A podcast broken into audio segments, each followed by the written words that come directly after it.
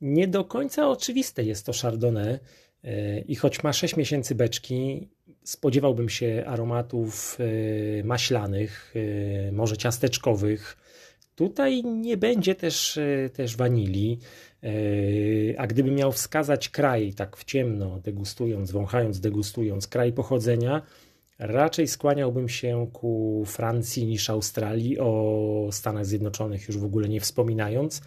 Ale wiecie co, pomimo tego, że mm, raczej opowiadam czego nie ma, spodobała mi się ta butelka i chętnie Wam o niej opowiem.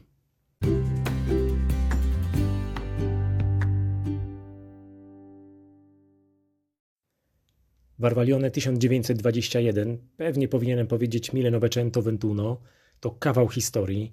Mówiąc inaczej, to połączenie tradycji i technologii. Próbowali odpowiedzieć na pytanie, czym jest doskonałość wina, skąd ją się czerpie, i myślę, że im się to udało. Oni wskazują, że ta doskonałość rodzi się z ziemi, z ziemi, która jest punktem wyjścia dla winorośli. E, jak słyszycie, troska o doskonałość wina, tego wina, które mamy w butelce, rozpoczyna się w winnicy, w tej winnicy na zewnątrz, nie w budynku, tam gdzie rosną winorośle.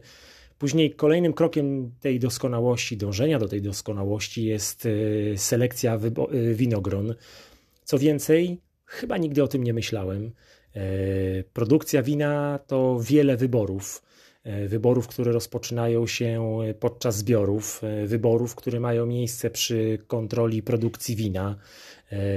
I ta umiejętność dokonania tego właściwego wyboru i w tym odpowiednim momencie to jest właśnie rola winiarza, rola doświadczonego winiarza. To jest ta wiedza, która przekuwana jest z idei w czyn. Niesamowite jest to, co, co powiedziałem. Nigdy o tym wcześniej nie, nie myślałem. E, owszem, co roku powtarza się te same schematy, te same, te same czynności, ale każdego roku staje się przed innym dylematem, czy tej beczki dać mniej, czy dać jej więcej. E, przecież co roku każdy, każdy, każdy zbiór e, ma inne parametry, ma inny, inny też smak niesamowite. Dobrze, przechodzimy do samego wina. Wino kupiłem w sklepie Wine Story, 59 zł e, cena, cena półkowa.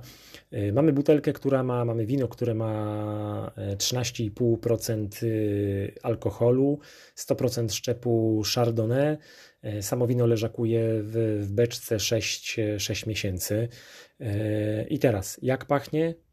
Ono jest bogate, jest aromatyczne, tutaj dominuje ananas, ale też mamy banana, mamy banana, przepraszam po polsku, banana i mamy też y, odrobinę, odrobinę jabłka i, i sporo moreli. E, w ustach jest y, pełne, ono ma, ma treść, ma, ma przyjemne ciało, jest dobrze ułożone, E, ma, ma, ma zbalansowaną e, kwasowość. E, tutaj nie dajcie się zaskoczyć, od razu wasze myśli skierują się ku, ku jakiejś potrawie, ku, ku chapsnięciu czegoś. Wino ma długi i bardzo przyjemny posmak. Na wstępie mówiłem, że nie ma tutaj tej, tego ciastka, tej wanilii, tej, czy, czy tego masła. Jest, słuchajcie, przyjemny, taki pełny, migdałowy aromat. Bardzo przyjemne zaskoczenie. E, kulinarnie, ja piłem je solo, kulinarnie e, jak najbardziej skorupiaki, wędzone ryby, tłuste ryby. E, śmiało bym podał do tarty szpinakowej. Nie wiem, czy do porowej, czy do cebulowej. Na pewno tarta szpinakowa. Jeśli tarta szpinakowa, to także makaron z, ze szpinakiem, ale nie z przesadną ilością sera pleśniowego. O, bardzo chętnie połączyłbym z pesto. Jeśli planuje, planujecie deskę serów, y, to nie tylko camembert czy, czy brie, ale także, także feta. U nas wino było podane do ciecierzycy y, i indyka w sosie pomidorowym pod, y, pod pierzyną z, z mozzarelli.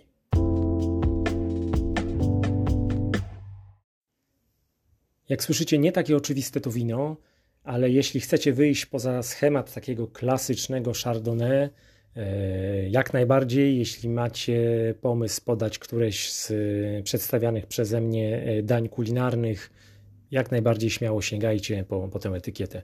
Dzięki za dzisiaj i do kolejnego odcinka. Hej, hej.